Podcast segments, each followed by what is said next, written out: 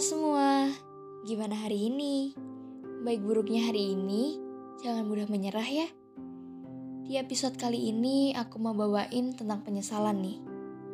Siapa sih gak pernah nyesel? Namanya juga manusia.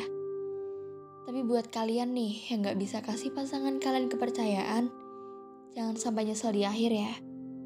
Karena yang namanya manusia punya titik akhir kesabaran. Kalau terus dikekang itu namanya toksik. Tapi bukan berarti kita jadi nggak peduli.